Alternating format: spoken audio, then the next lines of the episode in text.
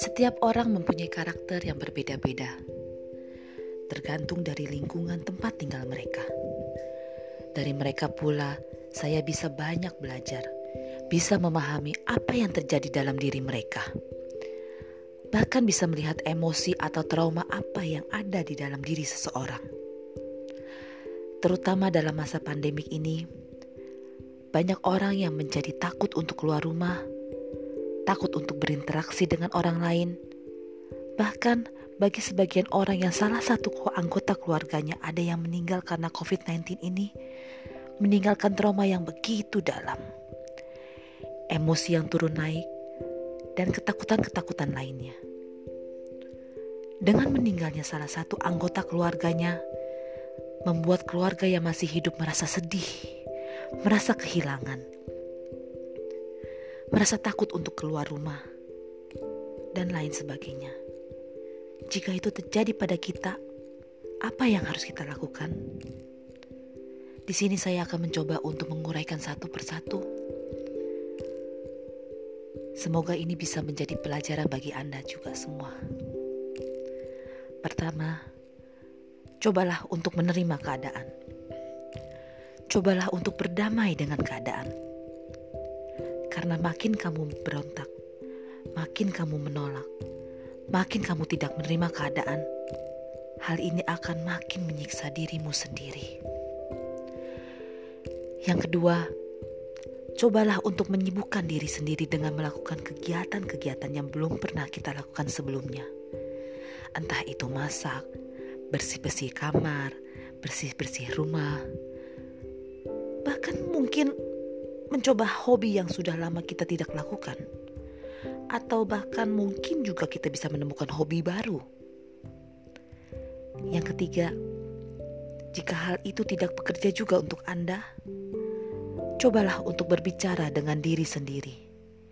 Ingatkan diri kita untuk stop drama, karena yang sudah pergi tidak akan bisa kembali, tetapi kita yang masih hidup harus tetap move on. Di sini saya tidak bermaksud untuk sok ngajarin, sok pintar dan sebagainya.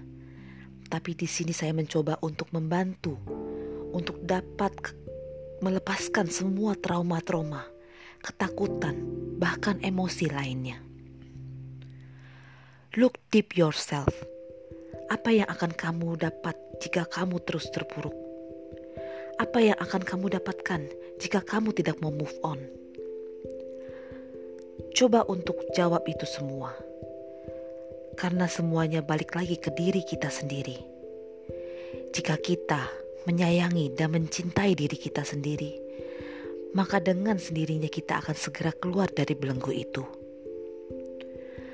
Cobalah untuk meditasi. Bagi yang pemula, cobalah untuk masuk ke dalam suasana hening. Stop memikirkan apa pun, fokus dengan nafas. Rasakan detak jantung kita.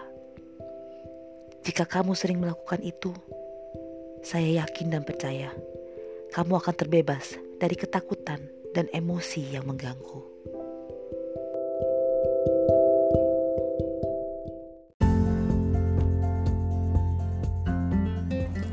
Hi, I'm Yeni Herianto, studying a new relationship with money today.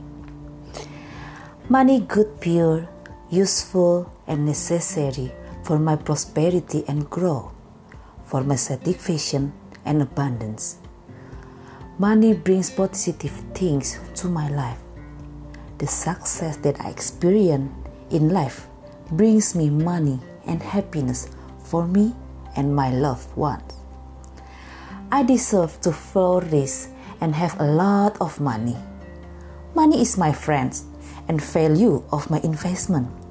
In it is growing every day. Success and money accompany me here and now. I ask my parents, grandparents, and ancestors to very origin of the clan who had difficulties due to lack of money to bless me and give me permission to live differently. And I asked my parents, grandparents, and ancestors to inspire me to very origin of the family who live in abundance and prosperity.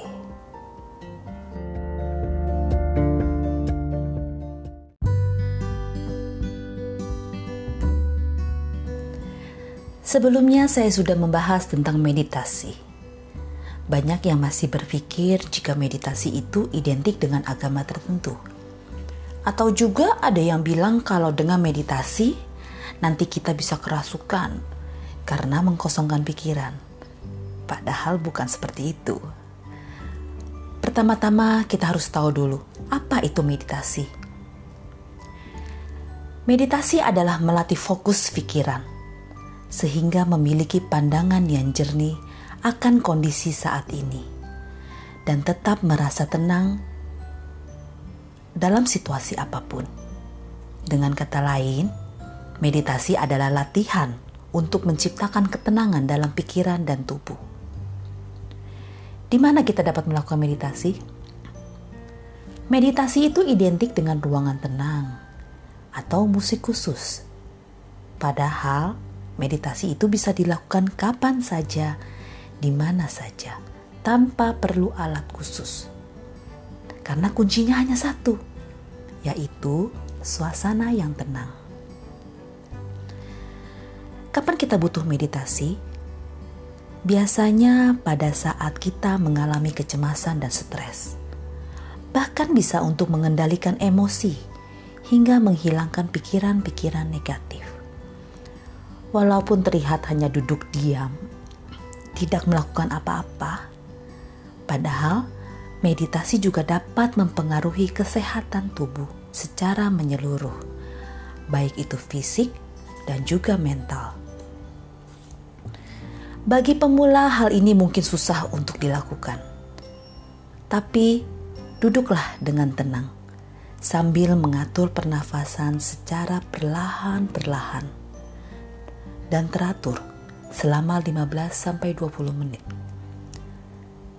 Caranya bagaimana? Kita menarik nafas panjang. Hembuskan. Tarik nafas panjang. Hembuskan. Lakukan itu selama 15 sampai 20 menit. Lalu fokus pada nafas dan detak jantung kita jika nanti tiba-tiba muncul pikiran yang lain, amatilah pikiran itu. Lalu katakan, "Saya mau meditasi." Untuk urusan itu akan dipikirkan setelah saya selesai meditasi. Lalu balik lagi fokus ke nafas. Makin sering kamu lakukan, makin mudah kamu mendapatkan ketenangan dalam segala situasi. Meditasi merupakan sebuah proses yang berkesinambungan.